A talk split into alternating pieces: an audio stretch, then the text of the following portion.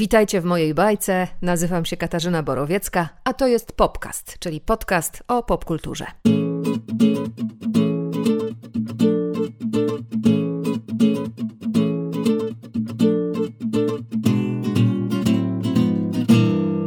Możemy się usłyszeć także w radiowej trójce, gdzie od siedmiu lat o serialach, kinie i komiksach opowiadam w audycji ABC Popkultury, a na facebookowym profilu ABC Popkultury znajdziecie moje codzienne rekomendacje. Popcastu, epizod 12. Czas zacząć. Dziś w roli głównej dymki i obrazki. Moja trwająca już ponad trzy dekady miłość do komiksów zaczęła się od tego, co wszyscy moi rówieśnicy wtedy czytali. Jonka Jonek i Kleks, Tytus Romek i Atomek, Kajko i Kokosz. Ale pamiętam też bardzo wyraźnie pewien poranek. Miałam może 7 lat. Zobaczyłam w kiosku rudowłosą i jednooką kobietę na okładce zdradzonej czarodziejki Żana Vanama i Grzegorza Rosińskiego, pierwszego albumu z serii o Torgalu.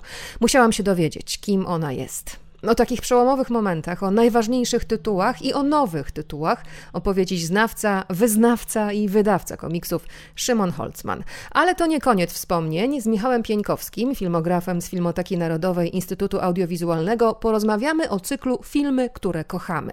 Filmy znajdziecie na stronie ninateka.pl, a dzięki nim cofniecie się w czasie o jakieś 90 lat.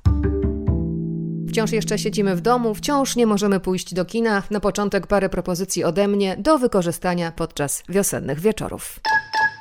Zacznijmy od klasyki, być może do uzupełnienia. The Wire, czyli Prawo ulicy. It's Baltimore, gentlemen. The guards ten serial stworzyli David Simon i Ed Burns. Simon przez 12 lat pracował jako dziennikarz w Baltimore Sun. Burns był detektywem w Wydziale Zabójstw i w Wydziale Narkotykowym baltimorskiej policji. Pracował też jako nauczyciel. Are you the man with them jumbo six? oh, in the game, yo. Simon i Burns opowiadają w The Wire historię kryminalną, rozpisaną ostatecznie na pięć sezonów. Gęstą, mięsistą i bardzo realistyczną. Z jednej strony policja, uwikłana w biurokratyczne opóźnienia, z drugiej gangsterski, narkotykowy półświatek. Szara strefa między prawem a bezprawiem jest ogromna.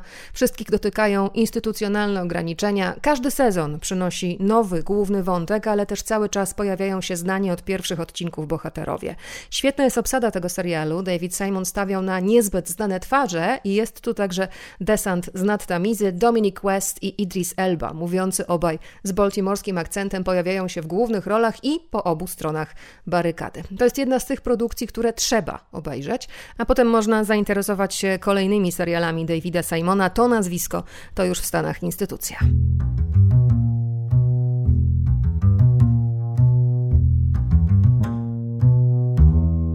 Rodzicom spędzającym teraz czas z pociechami w domu może przyda się chwila wytchnienia z serialami o rodzicach i ich radościach i udrękach w mniej lub bardziej krzywym zwierciadle. Mom, I didn't say anything. Neither did I. Then why are you mad at me?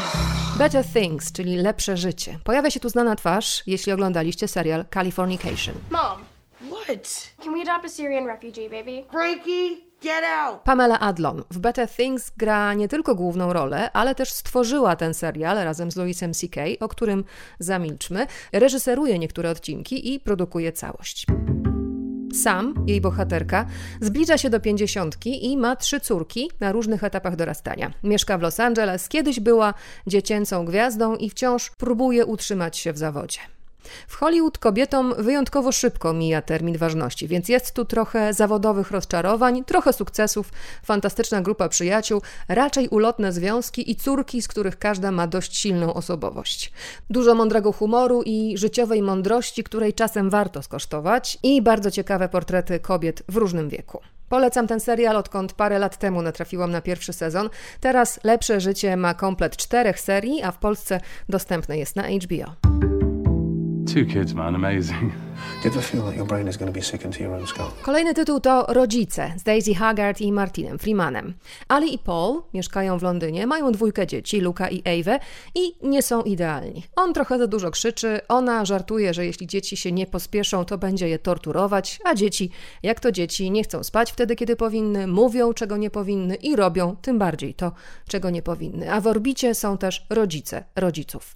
Obsada trafiona jest w 100%. Nie znałam wcześniej Daisy Haggard, ale jest znakomita, a Martin Freeman Zagrał już tyle ról, po których mogliśmy go zaszufladkować, zaczynając od Tima w The Office, przez Watsona w Sherlocku, po pierwszy sezon Fargo, o Bilbo Bagginsie nie wspominając, ale on tym wszystkim szufladkom się zgrabnie wymyka, korzystając bardzo umiejętnie ze swojego niepozornego wyglądu. Krótko mówiąc, jest doskonały. I jeszcze dwie produkcje o rodzicach. Pracujące mamy to serial stworzony przez kanadyjską aktorkę, scenarzystkę i producentkę Catherine Reitman, która gra tu też główną rolę. Wszystko zaczyna się od spotkań grupy mam niemowlaków, które postanowiły wrócić do pracy.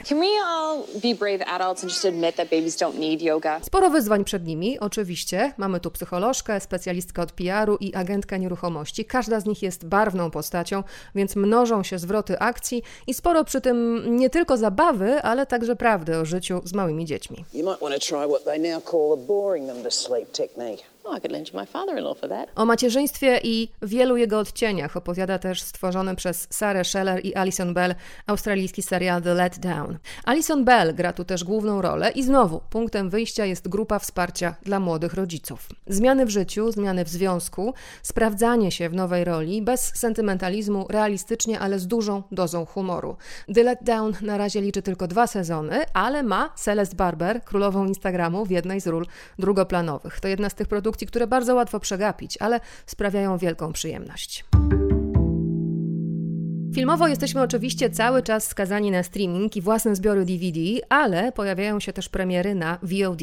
Po tegorocznym Sundance sporo się mówiło o filmie Kitty Green Asystentka z Julią Garner w roli głównej.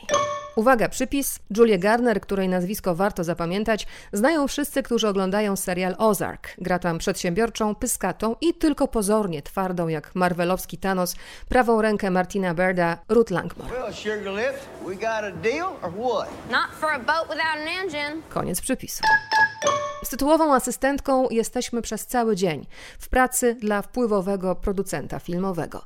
Wszystkie skojarzenia, które teraz przychodzą Wam do głowy, są uzasadnione. Nasza bohaterka wycofana i cicha tylko obserwuje i coraz mocniej dociera do niej, dla kogo pracuje. Oglądając ten film, miałam wrażenie, że to trochę jak realistyczna i dużo mroczniejsza wersja diabła ubierającego się u Prady. Znowu mamy dziewczynę w pracy, dla której wielu dałoby się poćwiartować. Znowu mamy ambitną i zdolną, świeżą absolwentkę koledżu. Znowu mamy szefa, który nadużywa pod każdym względem swojej pozycji. Film cichy, choć temat głośny, więc wrze tuż pod powierzchnią i lada chwila wykipi. Świetna rola Julie I Matthew McFadden, który już dawno zapomniał, że kiedyś na ekranie był panem Darcy i teraz świetnie wychodzi mu granie kochających pieniądze oportunistów. Uwaga, przypis. Przy okazji przypominam tym, którzy jeszcze ociągają się z obejrzeniem serialu Sukcesja, w którym też zobaczycie Matthew McFaddena, nie ma na co czekać. Frank, don't be an asshole. You don't have principles. 21 maja startuje wirtualne kino. Na stronę mojeekino.pl zaprasza Stowarzyszenie Kin Studyjnych, arthouse'owy repertuar, wygodne, bo wasze ulubione fotele i przekąski tylko takie, jakie lubicie, jeśli lubicie jeść w kinie. A od 29 maja na stronie także festiwal Wiosna Filmów w sieci. Jak będzie z podróżowaniem w ciągu najbliższych miesięcy?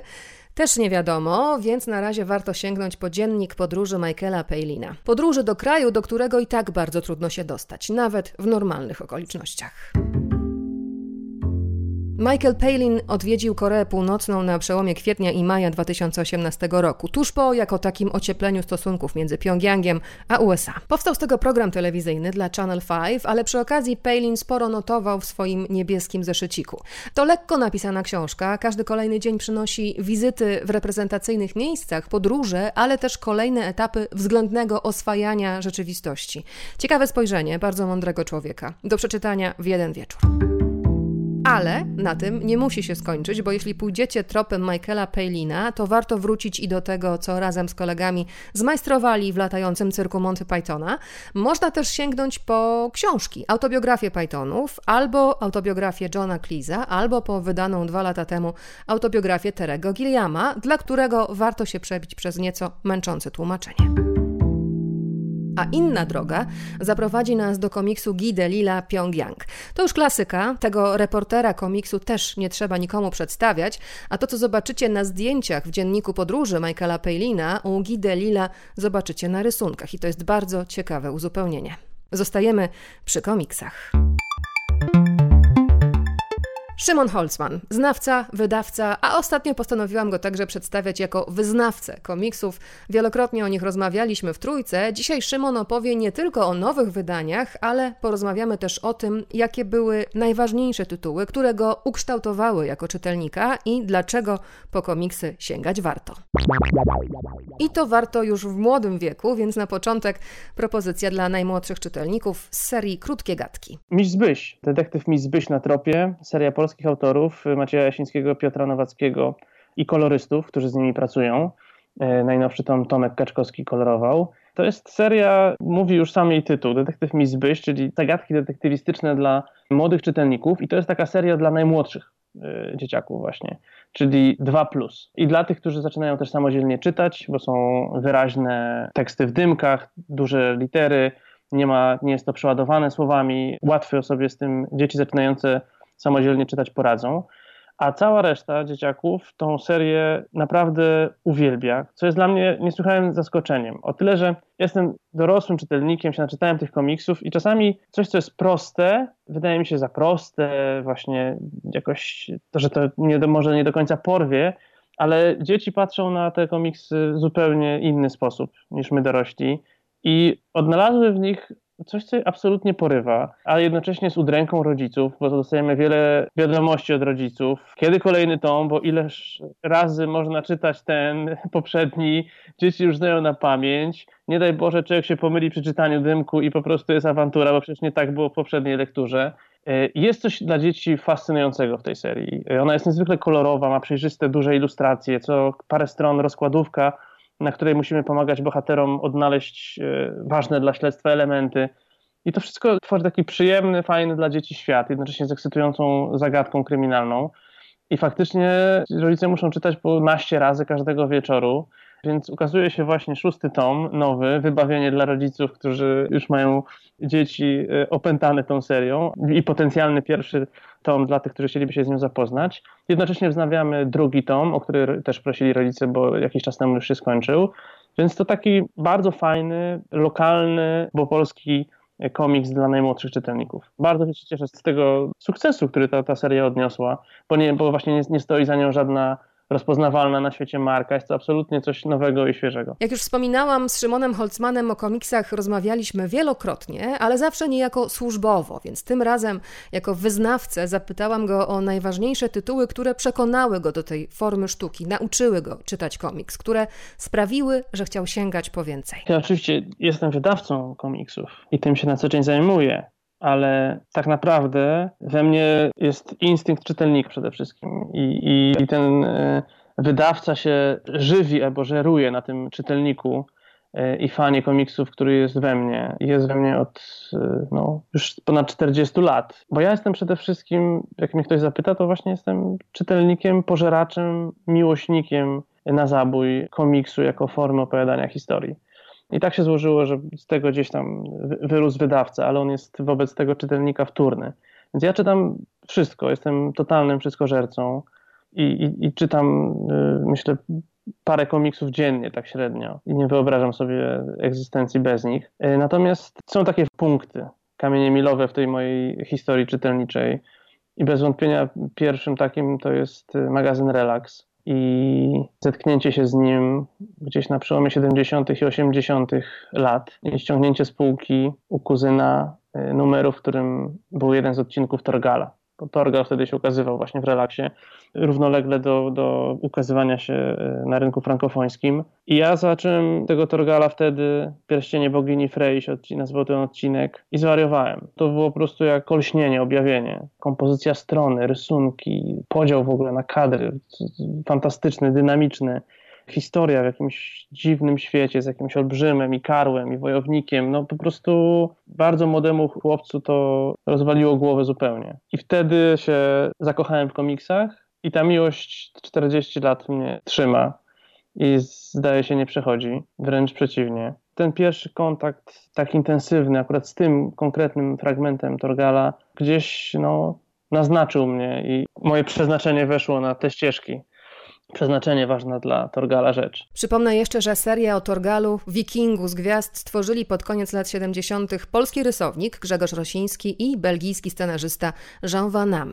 Razem stworzyli 29 albumów, fascynującej, pełnej przygód historii czarnowłosego, szlachetnego i walecznego wychowanka wikingów, który pochodził z bardzo daleka. Z jednej strony zanurzona w mitologii nordyckiej, z drugiej pełna magii z zupełnie innych kosmicznych źródeł, seria o Torgalu podbiła serca czytelników, ale to jest temat na zupełnie inną opowieść. Po ośmiu albumach stworzonych z innymi scenarzystami, bo Jean Van zakończył swoją przygodę z Torgalem po tomie Ofiara w 2006 roku, Grzegorz Rosiński także przekazał pałeczkę komu innemu. Od kilku lat zresztą powstają także równolegle serie poboczne o dzieciństwie Torgala, o jego córce i o jednej z jego przeciwniczek, choć to określenie nie oddaje nawet ułamka ich złożonej relacji fascynującej femme fatale Chris de Valnor.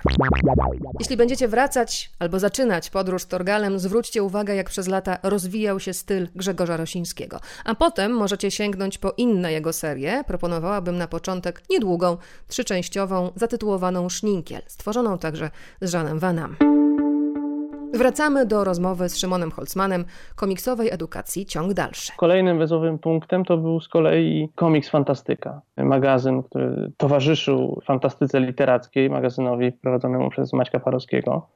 I też w którymś momencie zaczęła redakcja przygotowywać kwartalnik z komiksami. Był niezwykle ważny dla mojego rozwoju jako czytelnika komiksów. Pokazał mi fantastyczne tytuły, ale też pokazał, czego ja w komiksie szukam i co lubię w komiksie. Bo oprócz y, numerów z komiksami, takimi całymi albumami, były też numery publicystyczne, gdzie, a były to czasy przełom lat 80., 90., jeszcze nie marzyliśmy w ogóle o internecie, przepływ informacji był zupełnie inny, więc te numery publicystyczne, gdzie redakcja dzieliła się jakimiś odkryciami ze świata, pisała przekrojowe teksty o, o superbohaterach albo o komiksie europejskim, otwierały oczy mi na potencjał tego, tego medium, jak ono jest różnorodne, jak, jak może być niesamowite. Tata pronumeratę miał i, i fantastyki wykupił i, i komiksy fantastyki. Ja byłem chorowitym dzieckiem e, i często, że tak powiem, opuszczałem szkołę i, i leżałem w domu chory. I pamiętam, że właśnie tylko zbiegałem rano, jak siły pozwalały tej chorobie, do skrzynki czy przypadkiem tego dnia nie przyszedł listonosz z, z, nowymi numerami. I faktycznie któregoś dnia Zbiegam, jest w skrzynce e, koperta z nowym numerem komiksu Fantastyki. Kładę się z nim od razu do łóżka i jest to Wieczna Wojna. E, Marwano na podstawie powieści słynnej Handelmana. Fantastyka, gdzie autor powieści słynnej science fiction zamienił swoje doświadczenia z e, wojny w Wietnamie na wojnę w kosmosie. I to było wstrząsające to był komiks, który po prostu uświadomił mi, jak pojemnym medium, jak dojrzałym medium, jak dojrzałych sprawach poważnych może, może komiks mówić. Niezwykły antywojenny epos dziejący się gdzieś w kosmosie. No, rzecz, która się nie zestarzała i w dalszym ciągu jest jednym z moich ulubionych komiksów. Więc pamiętam ten poranek, jakby się wydarzył wczoraj tak naprawdę z tym komiksem. Marvano, czyli Mark Van Open, kolejny ważny twórca z Belgii. Po tym jak sięgniecie po Wieczną Wojnę, warto zwrócić też uwagę na inne jego serie, na przykład Dallas Bar albo Berlin. Kolejny milowy, komiksowy krok Szymona Holzmana związany jest także z fantastyką. Też ten numer z publicystyką, gdzie pojawił się tekst Jerzego Szyłaka o wtedy świeżo wydanym na świecie komiksie Maus Arta Spiegelmana. Już sam tekst był fascynujący, ale jeszcze bardziej fascynujące były kadry, które mu towarzyszyły, fragmenty tego komiksu. Te myszy na szubienicach ze swastyką w tle, no, porażające obrazy. I ten Maus mi utkwił bardzo w głowie. I zapamiętałem te ikoniczne obrazy na, na bardzo długo, więc jak już te 10 ponad lat później okazał się Maus po raz pierwszy na polskim rynku, to, to wiedziałem, że to jest coś, co muszę mieć i to dorosło do oczekiwań, jakie przez te ponad 10 lat się w mojej głowie zbudowały. I, i to jest dla mnie najwybitniejszy komiks w historii, który ma moc niezwykłą, ponurą też, bo to ponura historia Holokaustu i od tego, jak ten Holokaust nie skończył się razem z, z wojną z nazistowskimi Niemcami, ale trwa choćby poprzez dzieci, a potem wnuki ocalonych i gdzieś jego ślad cały czas e, nam towarzyszy. Przejmująca lektura, która kiedyś się ukazała w Polsce w 2002 roku, wywołała bardzo niezdrowe emocje przez to, że, że Art Spiegelman sięgnął po, po metaforę zwierząt i nałożył swoim bohaterom zwierzęce maski Żydzi to byli myszy, Niemcy koty, a Polacy świnie i mam wrażenie, że, że wtedy ta recepcja komiksu zatrzymała się na tym bardzo podstawowym, prostackim wręcz y, poziomie, czyli właśnie o oburzamy się, gdyż Polacy są w tym komiksie świniami bez jakiegoś głębszego zrozumienia tej metafory i tego, co autor chce nam powiedzieć. Maus, opowieść ocalałego Arta Spiegelmana, to z pewnością jeden z najważniejszych komiksów w historii. Nie wypada go nie znać. I jeszcze jeden ważny tytuł od Szymona Holzmana. Początek XXI wieku, przypadkiem u koleżanki ściągam z półki Persepolis, Marżansa Trapi we francuskim wydaniu. I ta warstwa graficzna tego komiksu i to, co mówi mi o nim koleżanka, sprawi, że natychmiast chcę go przeczytać, chociaż francuskiego nie umiem, choć, bo w liceum miałem, ale człowiek wtedy myślał o innych rzeczach, a nie nauce francuskiego. I ze słownikiem w ręku, słowo po słowie, czytam cały ten komiks takim językiem Kalego pewnie, ale wystarczyło, żeby, żeby go pokochać i chcieć go właśnie wydać w Polsce, bo ta lektura uświadomiła mi, kurczę, jest tyle fantastycznych komiksów na świecie, sprowadzam sobie w wersjach anglojęzycznych za granicę, czytam i jestem oczarowany, dlaczego nie zacząć ich wydawać w Polsce? I to był ten impuls, żeby z czytelnika stać się wydawcą, impuls, który pojawił się w mojej głowie tego wieczora, kiedy ze słownikiem czytałem Persepolis. I kiedy udało mi się przekonać y, kolegów z Kultury Gniewu, że powinniśmy to wydać i, i w ogóle kiedy udało mi się zacząć z nimi współpracę i odezwałem się do wydawnictwa L'Association z Francji, to okazało się, że trzy tygodnie wcześniej już inny polski wydawca te prawa kupił do Persepolis. I ono się ukazało w Polsce ku wielkiemu zresztą sukcesowi, ale już tej ścieżki, że tak powiem, która pojawiła się w mojej głowie, nie, nie zszedłem i jestem do dziś wydawcą komiksu. Jeśli chodzi o Persepolis, to moja historia związana z tym komiksem jest bardzo podobna, tylko że ja ściągnęłam z półki u znajomych już polskie wydanie pierwszego tomu, czyli historii dzieciństwa. I tak się zaczęło moje dorosłe czytanie komiksów. Persepolis jest opowieścią autobiograficzną o bardzo, a w okolicznościach, o których za moment nawet za bardzo rezolutnej dziewczynce, która, no właśnie, wychowuje się w Teheranie tuż przed i tuż po rewolucji islamskiej. Inteligentna, pomysłowa, samodzielna, coraz bardziej zbuntowana, Marżan łatwo może podpaść strażnikom rewolucji, więc rodzice wysyłają ją do szkoły w Austrii i tu zaczyna się drugi tom Persepolis, historia powrotu. Swoje życie Satrapi opowiedziała jeszcze raz w filmie animowanym, zrealizowanym razem z Vincentem Parono i nominowanym do Oscara w 2008 roku. A na ekran przeniesiono też jej inny komiks, Kurczaka ze śliwkami. W Polsce ukazały się też jej wyszywanki. Tak mocno pamiętane pierwsze spotkania z komiksem to rzeczywiście zwiastuje związek na całe życie. Tak. Znaczy, znaczy ja w ogóle jestem zwolennikiem teorii, że komiks jest e, medium uzależniającym. Uzależniającym na poziomie chemii i procesów, które zachodzą podczas jego lektury w, w naszych głowach.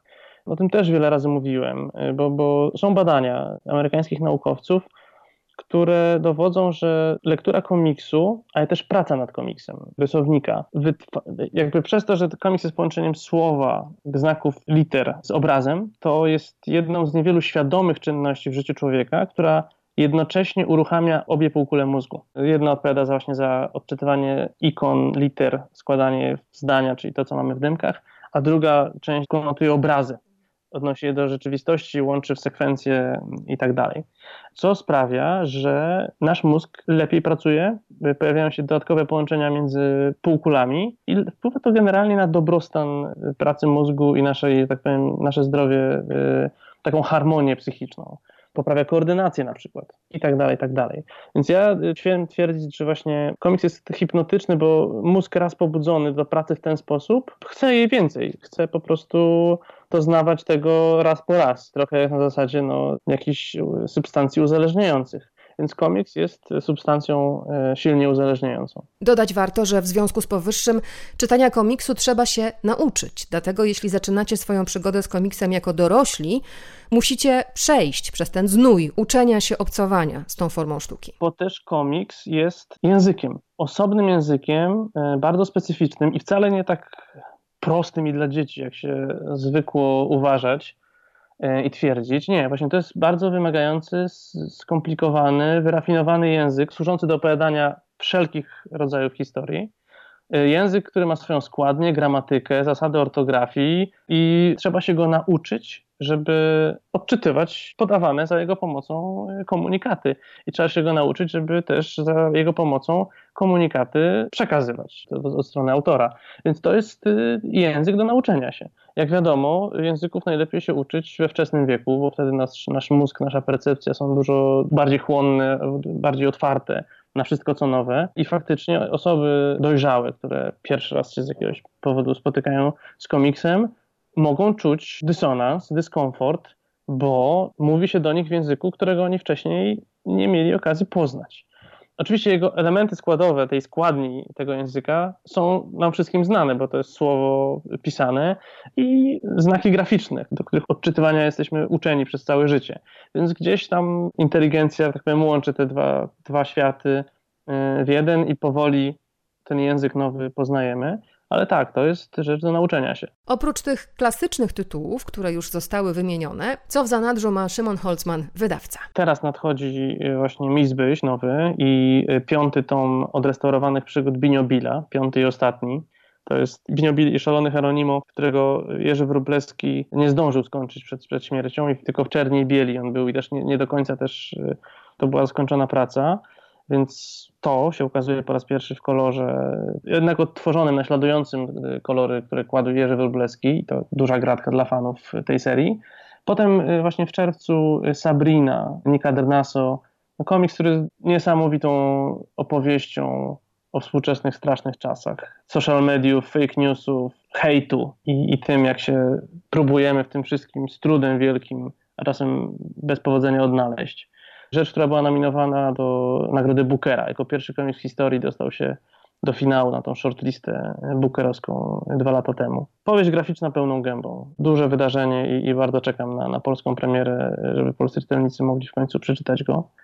A jeszcze powrót po paru latach ładnych do komiksu Marii Rostockiej, znakomitej ilustratorki i komiksiary, która parę lat temu zrobiła fantastycznego niedźwiedzia kota, yy, niedźwiedź, królik i Lis, o tak. Nie ma opowieść wtedy, która okazała się we Francji i w Polsce jednocześnie. I teraz wraca z opowieścią autorską, która będzie nosiła tytuł Koniec lipca. I opowiada o takim dojrzewającym chłopcu, który spędza lato u babci, strasznie nieprzyjemnej osoby, takim nieprzyjemnym miejscu, bo nie na jakiejś wsi, tylko w takim, takim przedmieściu wielkiego miasta, gdzie brzydkie są domy i brzydkie jest wszystko. I jest wieczna nuda i oczekiwanie na coś, co powinno się fajnego wydarzyć, a się nigdy nie wydarza. Bardzo fantastyczny, taki psychologiczny, pełną gębą e, komiks. Trochę jak e, nowohoryzontowe kino. W tym roku Festiwal Nowe Horyzonty nie będzie, więc e, może dla fanów tego typu opowieści ten komiks będzie choćby skromną namiastką. Takie indie kino w komiksowym, w komiksowym wydaniu. A Michał Śledziński kończy pracę nad e, drugim tomem Czerwony Pingwin musi umrzeć. Czytając surową wersję drugiej części, przypomniałem sobie pierwszą i to jest e, absolutnie fenomenalna epicka, kosmiczna przygoda. Buduje od razu Michał w głowie czytelnika olbrzymi świat, uniwersum jak z Gwiezdnych Wojen, tylko po swojemu, na swoich zasadach. Wariacja po prostu na temat motywów już znanych, ale przedstawionych w zupełnie innym świetle. Hołd dla animacji japońskich, komiksów, akcji i gier wideo. Fascynująca, kręcająca i dająca mnóstwo frajdy opowieść. Więc czekamy, aż Michał skończy kolorować i, i też mam nadzieję, że jeszcze w wakacje e, czytelnicy będą mogli wziąć do swoich rąk e, drugi tom. Trudno nie zauważyć po niedawnych premierach Osiedla Swoboda, Centrum i Niedźwiedź, że Michał Śledziński dostał turbo do ładowania. W ogóle autorzy, siedząc w domu, trochę z konieczności, bardzo intensywnie pracują nad kolejnymi tytułami i dla nas jako wydawcy zmartwieniem jest, jak to wszystko w tych właśnie nowych, być może trudniejszych czasach upchnąć, bo taki Marcin Podolec pracuje symultanicznie nad trzema tytułami. Więc, więc siedzą w domach i rysują, mam nadzieję, ku radości nadchodzącej czytelników. Poprosiłam zatem o jeszcze kilka tytułów. W czerwcu będą e, dwa komiksy. Słuchajcie dziewczyny, Kati Klengel, młodej niemieckiej rysowniczki, to wydawnictwo Reprodukt to, to wypublikowało w Niemczech. I to jest komiksowy felieton, to chyba dobre określenie, gdzie autorka opowiada bardzo osobiście i bardzo szczerze, ale i dowcipnie z dystansem o rzeczach dla niej, młodej kobiety, ważnych.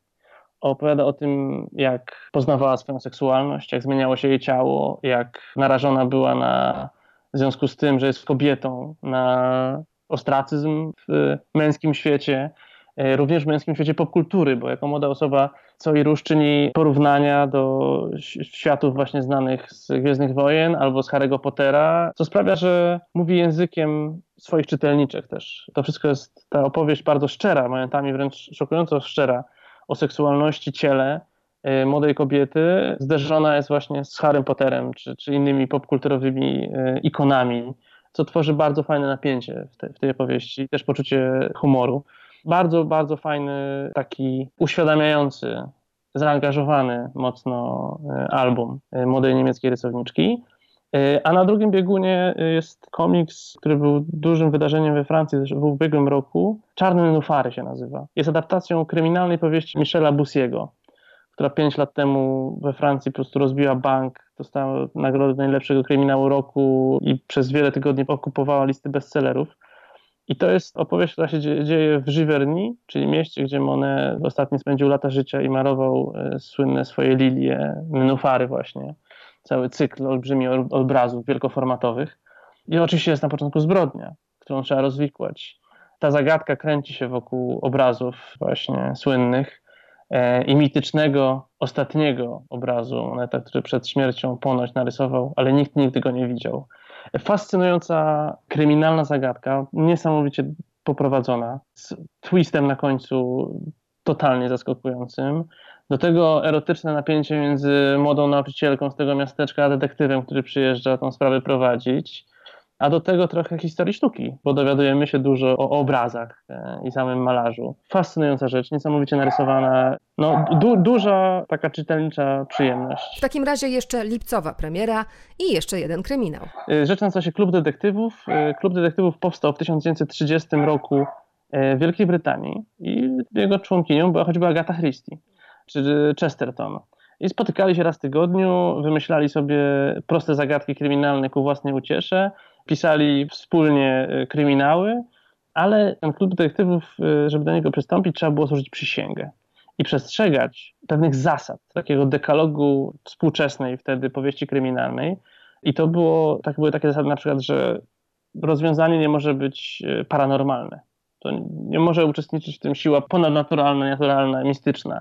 Zbrodniarzem nie może być narrator albo detektyw. No to by było rażące pójście na łatwiznę. No właśnie. Więc chodziło o wymyślanie naprawdę logicznych, y, skomplikowanych zagadek, które czytelnik, wnikliwy, obserwator, uważny, inteligentny jest w stanie przed końcem powieści rozwikłać. Y, nie można było zastawiać sideł na czytelnika, wprowadzać go w maliny. To były zasady klubu detektywów. Zresztą Agata Christie, kiedy sięgnęła w jednej ze swojej powieści właśnie po rozwiązanie paranormalne, została z klubu usunięta y, właśnie za złamanie tegoż dekalogu. Ale y, nie jest ten komiks opowieścią, takim brykiem o historii klubu detektywów, tylko wychodzi od tego pomysłu, jakim był klub detektywów i od bohaterów, którzy go stworzyli, autorów powieści, i rzuca ich przygodę, rzuca ich y, w największe wyzwanie ich życia. Bo otóż pojawia się w klubie tajemniczy miliarder, który zaprasza członków klubu na swoją prywatną wyspę, gdzie prezentuje im cud techniki, stworzonego przez siebie samego robota, który po otrzymaniu podstawowych informacji o zbrodni zawsze podaje tożsamość zbrodniarza. No i zaprosił ich po to, żeby wymyślili taką, żeby przetestowali robota, żeby wymyślili taką zagadkę, której on nie będzie w stanie e, rozwikłać. No ale to jest oczywiście początek. I zanim oni tak naprawdę się zabiorą do roboty, to zdarza się prawdziwa zbrodnia. Mamy robota, który może ją rozwiązać, mamy fantastycznych e, autorów kryminałów, czyli tym samym detektywów, E, no i atmosfera się zagęszcza. Bardzo e, dowcipny, bawiący się konwencją klasycznego kryminału i będący też hołdem dla tych kryminałów komiks, który w ubiegłym roku też się ukazał we Francji taka właśnie wakacyjna lektura dla miłośników kryminałów i komiksów. Już nie mogę się w takim razie doczekać ekranizacji. Na przykład Ryan Johnson mógłby to zrobić. Albo Wes Anderson. A kto gościnnie szczekał w tle? W tle szczekał Piorun. W tle szczekał Piorun, bo pewnie y, kurier zadzwonił albo zapukał do drzwi, a Piorun ich bardzo nie lubi i, i szczeka wtedy. Szymon Holzman o miłości do komiksów i jej namacalnych przejawach. Kilka tytułów wartych zanotowania, mam nadzieję, zanotowaliście, a kolejne będą się pojawiać w kolejnych odsłonach podcastu. A teraz zmieniamy planetę.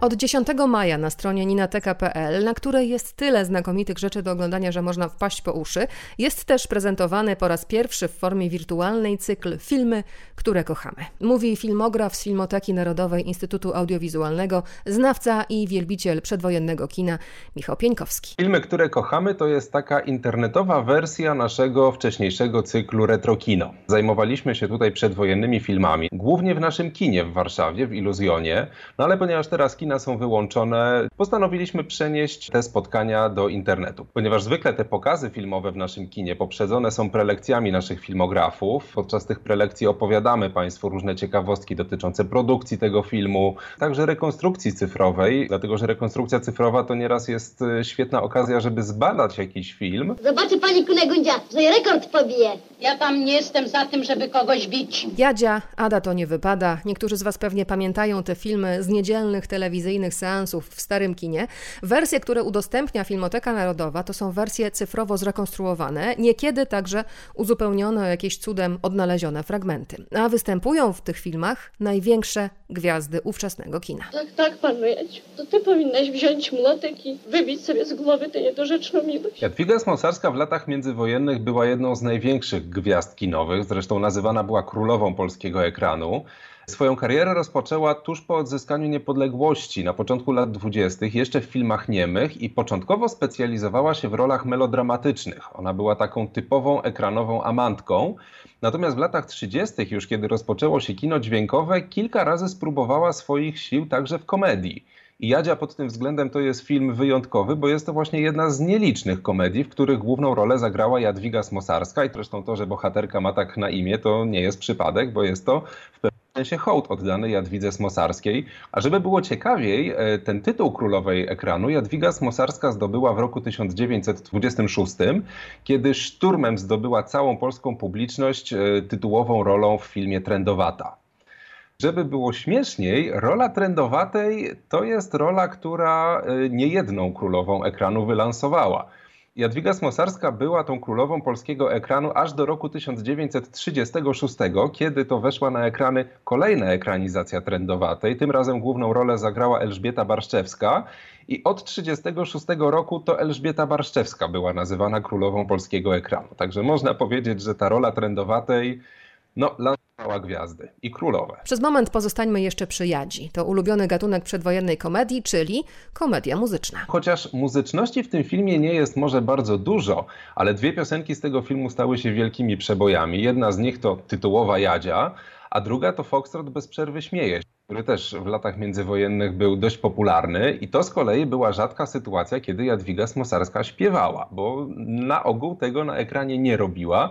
Zdarzało jej się wprawdzie wcześniej jeszcze w dwóch komediach e, wystąpiła i coś tam podśpiewywała, natomiast tutaj miała do zaśpiewania całą piosenkę i była to sytuacja no, dość wyjątkowa. Jadzia jednocześnie płacze i śpiewa o tym, że się śmieje. No faktycznie, ona tam e, jest zrozpaczona i zalewa się łzami, a śpiewa piosenkę o tym, jak to jest wesoło, jak bez przerwy się śmieje i nie traci humoru, także jest to też no, duży popis aktorski, żeby te sprzeczne emocje połączyć e, w jednej piosence. Pani Jadziu, kto panią skrzywdził? Co się stało? Drugą bardzo ciekawą rolą w Jadzi jest rola Mieczysławy Klińskiej. Wprawdzie jest to rola drugoplanowa, ale jednak e, jeśli chodzi o sposób aktorstwa i zagrania tej roli, to miejscami wręcz wysuwa się na pierwszy plan i pamiętam, że ile razy ten film pokazywaliśmy w Iluzjonie czy na festiwalach, to za każdym razem, kiedy Mieczysława Ćwiklińska się pojawiała na ekranie, to po prostu były huragany śmiechu na sali, bo to była rzeczywiście wybitna aktorka komediowa. I to, co ona w tym filmie wyczynia, to naprawdę to trzeba po prostu zobaczyć samemu. To Maliczówna, córka konkurencji, zacięty wróg naszej firmy. Ale Jadzia to też komedia sportowa. W tym filmie mamy właściwie dwie Jadzie. Jedna z nich jest bohaterką drugoplanową, jest tenisistką, natomiast ta główna Jadzia prowadzi sklep ze sprzętem sportowym. I to jest też e, dość istotne, że ten film bardzo mocno propagował sport i zagadnienie sportu w ogóle, e, to w latach międzywojennych był bardzo aktualny temat i władze dużą wagę przywiązywały wtedy do popularyzacji aktywności sportowej. I w tym też y, mamy bardzo dużo wątków sportowych. No przede wszystkim to, że główni bohaterowie są właścicielami konkurujących ze sobą sklepów ze sprzętem sportowym. Jadzia prowadzi mały sklepik z rakietami tenisowymi, chociaż nie tylko.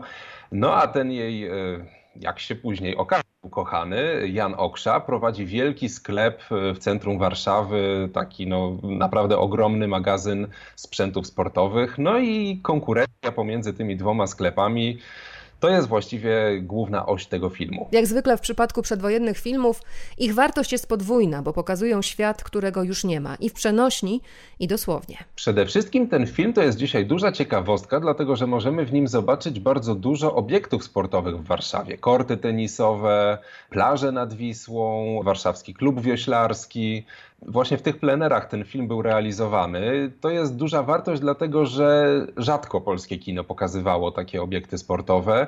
Niezbyt wiele również zachowało się zdjęć, między innymi tych kortów tenisowych. No a tutaj możemy na żywo zobaczyć, w jaki sposób one było wykorzystywane, bo już od początku w tym filmie pierwsza scena to jest mecz tenisowy. Później widzimy także, jak wyglądał weekend w Warszawie nad Wisłą, jak ludzie plażowali, jak ludzie pływali w Wiśle, nie tylko na kajakach czy żaglówkach, ale także w pław no więc to jest bardzo fajny obraz tego, jak wyglądała ta aktywność sportowa w latach międzywojennych. A już w ogóle wielką ciekawostką jest to, że ta, ta druga Jadzia, tenisistka, ona w tym filmie nazywa się Jadwiga Jędruszewska i to jest aluzja do autentycznej tenisistki Jadwigi Jędrzejowskiej, która była wówczas mistrzynią tenisa. Zresztą w czasie swojej kariery sportowej tych tytułów mistrzowskich zdobyła aż kilkadziesiąt. I ten film to była aluzja właśnie do tej Jadwigi Jędrzejowskiej. Zresztą nawet udało nam się wypatrzeć w czasie rekonstrukcji tego filmu. W jednej ze scen widać jak sprzedawca w sklepie sportowym czyta gazetę. I jak się przyjrzeliśmy na zbliżeniu, ta gazeta to jest przegląd sportowy, na którego okładce jest właśnie Jadwiga Jędrzejowska. To jest taka, no, można powiedzieć, że wręcz podprogowa popularyzacja tego sportu. No ale właśnie ta postać Jadwigi Jędrzejowskiej, Jędruszewskiej w tym filmie pojawiła się nieprzypadkowo. Michał Pieńkowski, filmograf z Filmoteki Narodowej Instytutu Audiowizualnego, to jak słyszycie chodząca encyklopedia wiedzy o starym kinie. Opowieści jego i innych filmografów Finy o starym kinie znajdziecie na facebookowym profilu Filmoteki Narodowej, a filmy, te, które kochamy, na stronie ninateka.pl.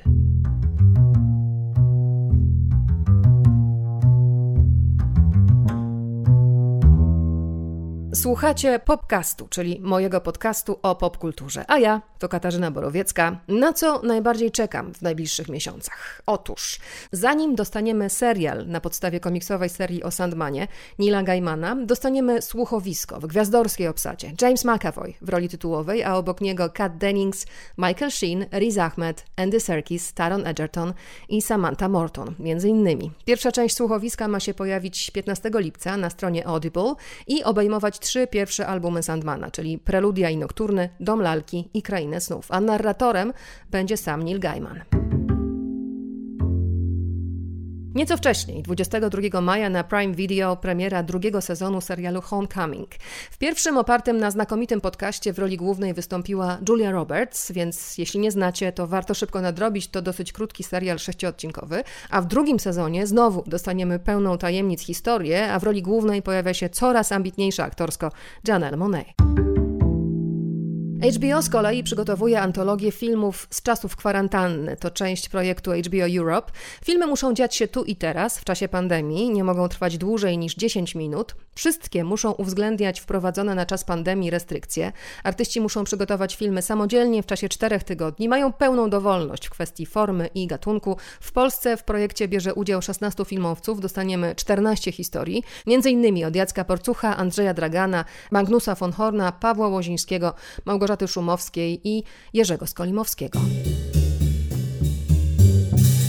I to już wszystko w dwunastym epizodzie podcastu. Gdybyście odczuwali nieprzepartą potrzebę, żeby się ze mną skontaktować, to najlepiej zrobić to przez facebookowy profil ABC Popkultury. A kiedy już tam zajrzycie, to zostańcie na dłużej. Codziennie uzupełniam zestaw rekomendacji i najnowsze informacje ze świata szeroko pojętej popkultury. Muzykę do podcastu zapewnił po starej znajomości Łukasz Borowiecki, a ja nazywam się Katarzyna Borowiecka i już Was zapraszam na podcastu epizod 13. Niech moc będzie z Wami. Do usłyszenia.